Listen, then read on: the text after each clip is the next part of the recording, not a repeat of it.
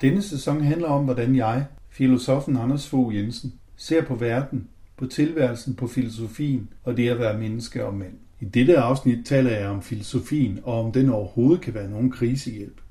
Det er en optagelse fra Radio 24 den 19. oktober 2016. God fornøjelse.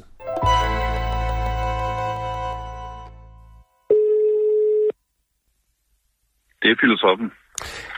Anders, det, det er Mads her fra, øh, fra AK247. Ja, goddag. Øh, Anders, det er bare fordi, jeg har læst en, øh, sådan en artikel om, at, øh, altså, at universet det indeholder 10 gange så mange galakser, som man hidtil har antaget. Altså det indeholder faktisk mellem 1000 og 2000 milliarder galakser. Øh, altså, og mit problem det er, at jeg bliver simpelthen så deprimeret, når jeg læser sådan noget her. Altså jeg føler mig simpelthen så, så ubetydelig. Altså jeg, jeg, jeg går ind i det her studie om onsdagen, og så sender jeg et eller andet fuldstændig ligegyldig kulturradio om en eller anden kunstnerkoloni i Italien i 1800-tallet. Og så, så går jeg måske hjem, og, og så steger jeg en kylling, og så ser jeg en eller anden lige meget debat om, om danskhed eller sådan noget. Men det hele, det føles bare så, så lige meget, når, når universet det er så, så kæmpestort. Og så mm. tænkte jeg, Anders, du, du er jo filosof. Og, og altså, kan filosofien på en eller anden måde hjælpe mig, eller give mig mening i, i altså... Jeg føler mig simpelthen så lille, altså. Ja. Jeg ved ikke, om filosofien kan hjælpe dig, men den har i hvert fald en lang erfaring med, med meningsløshed, og med at tænke over det med meningsløshed. Og, og det lyder som om, at det du først ramte af, det er en, en tanke omkring, hvor lille du er i forhold til hele universet. Mm. Øh, og jeg tænker, det er et spørgsmål, der stiller sig som, som øh, mennesker længere har haft, men hvor vi har levet i nogle kulturer, som havde en forklaring på det, altså, eller en, kunne give mening med det, at, at, øh, at, at Gud han havde nok en idé med det, eller du, du, du er noget særligt, du er ikke bare en, øh, en klump kød på en sten, blandt alle mulige andre sten.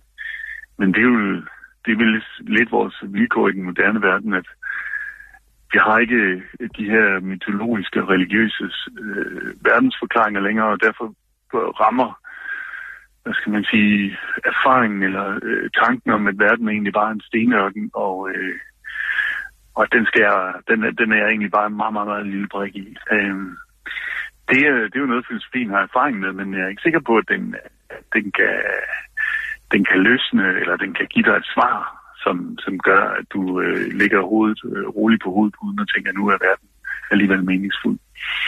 Men hvordan, altså, hvad så med dem, der har haft det på samme måde som mig? Altså, hvordan har de, hvordan har de grundet over det her spørgsmål? Hvordan har de på en eller anden måde fundet, fundet mening?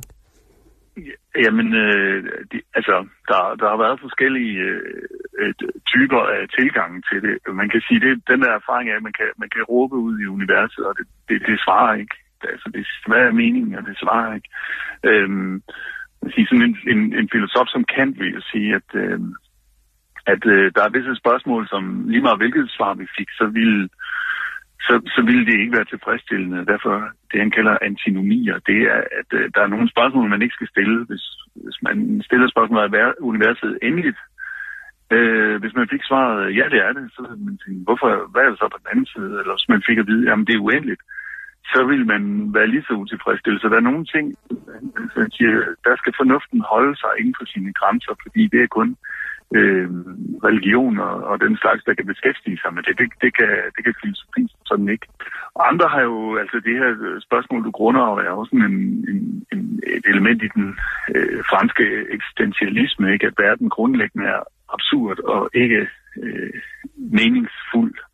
På, på fransk, der hedder mening sens, og når noget er meningsløst, så er det non-sens, eller som de siger på dansk, nonsens. Mm. Ikke? Altså, der er ikke nogen Øhm, og der handler det jo så om øh, i høj grad, at, at du i dit konkrete levede liv må finde meningen. Altså det er, det er blandt andre mennesker, eller det er de valg, du kaster ud, eller at øh, du må øh, forsøge, altså den, den ateistiske tradition, som de har i Frankrig, vil sige, du, du skal lade være med at trøste dig med Gud, og øh, så må du forsøge at alligevel finde meningen ved, at du lever øh, blandt andre øh, mennesker og, og, og i, i, i hverdagen, i, i kærlighed, i øh, konflikt, i trusler, i alt, alt det, som, er, som hverdagen er bygget op af, der øh, at det er der meningen findes. Men når vi giver os til de der store spørgsmål, så, så, så kan vi ikke få andre svar, end at verden er en stenørken. Men jeg tænker bare, for eksempel mm. den, den kylling, jeg så går hjem og steger, ikke? Øh, mm. altså nu går vi jo meget op i sådan noget dyrevelfærd. Men når jeg mm. læser sådan en nyhed om, at der er mellem 1000 og 2000 milliarder galakser i verden, så, så ja. det her med, at den her kylling har haft et godt liv, det føles bare så uendelig lige meget i det her store, øh, kæmpe ja. univers. Det er jo rigtigt, at meningen kræver en vis øh, nærsynlighed. Man skal være, man skal være optaget af, at den, den lille kyllings liv, eller det lille menneskes øh, liv, det er faktisk betydningsfuldt. Men det, det rigtige skalaen kan jo gøre, at man tænker, det er, det er fuldstændig... Øh, Ja, det er jo fuldstændig øh, lige meget, men der må man jo så bare prøve at, ligesom at, at zoome ind igen, han har sagt, og se på, øh, på tingene i den skala, som vores, øh, som vores livsverden er øh, bygget op til. Øhm, så, så på den måde, altså, fordi det du rører ved, det er ikke bare meningsspørgsmål, det er også etik nærmest. Er det så ikke også ligegyldigt, om folk gider, fordi det er jo bare en kort periode i menneskets historie, eller sådan. Men det, og der, der tænker jeg også, at man nogle gange, man, man må forstå, at universet skal nok overleve, også når der er diskussioner om, om økologi og sådan noget. Er vi ikke ved at ødelægge? Jo, vi er ved at ødelægge måske vores livsgrundlag, men jorden skal jo nok overleve. Altså, den er jo større end det. Ja. Og den, var, den, er jo, den er jo, den er jo meget ældre end os, og den bliver også meget ældre end os.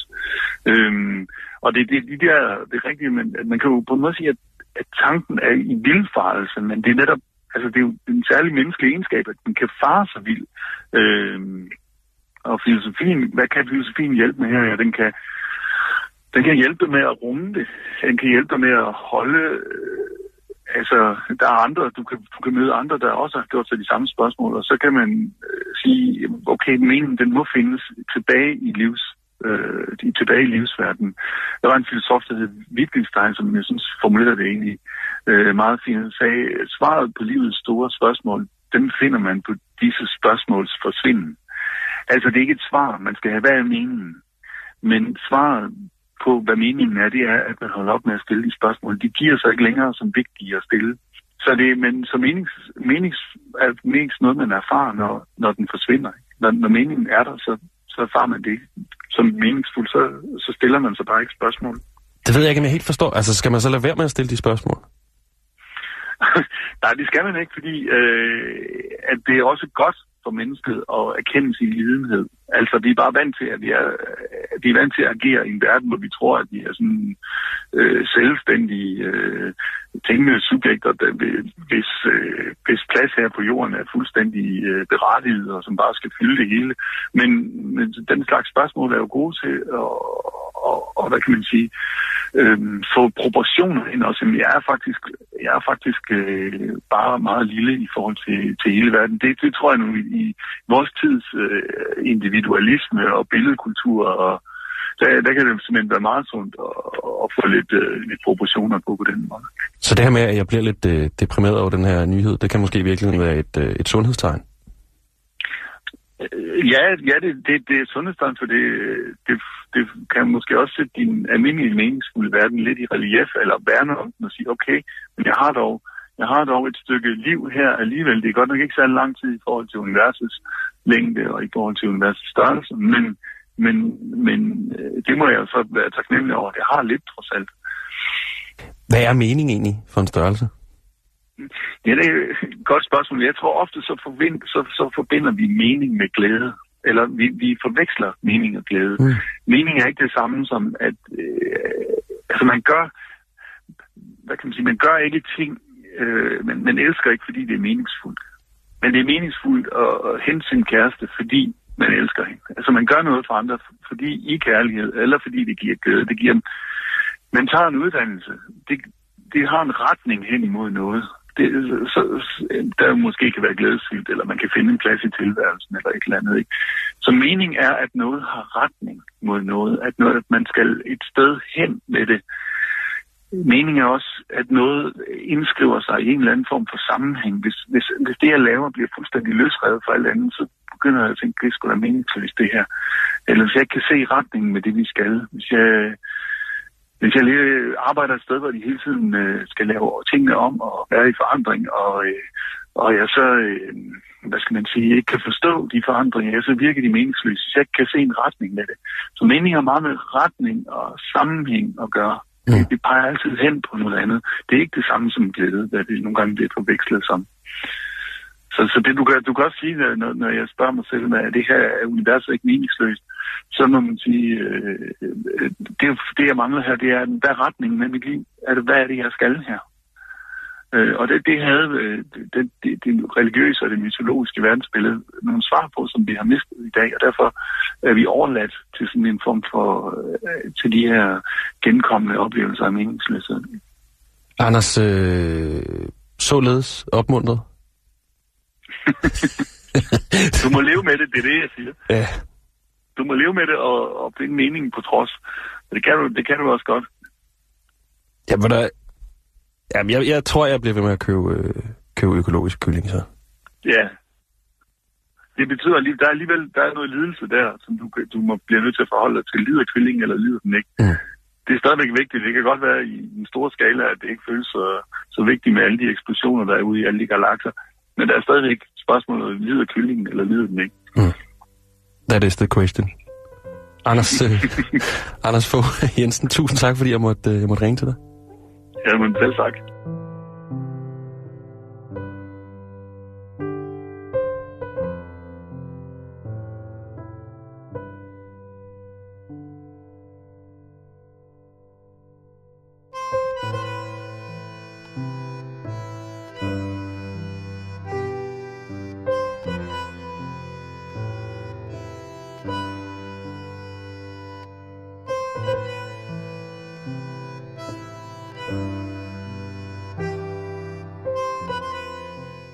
Du har lyttet til Filosofens podcast. Se mere på min hjemmeside filosofen.dk og tag med mig på dannelsesrejse. Se dannelsesrejser.dk. Mit navn er Anders Fogh Jensen. Tak fordi du lyttede med.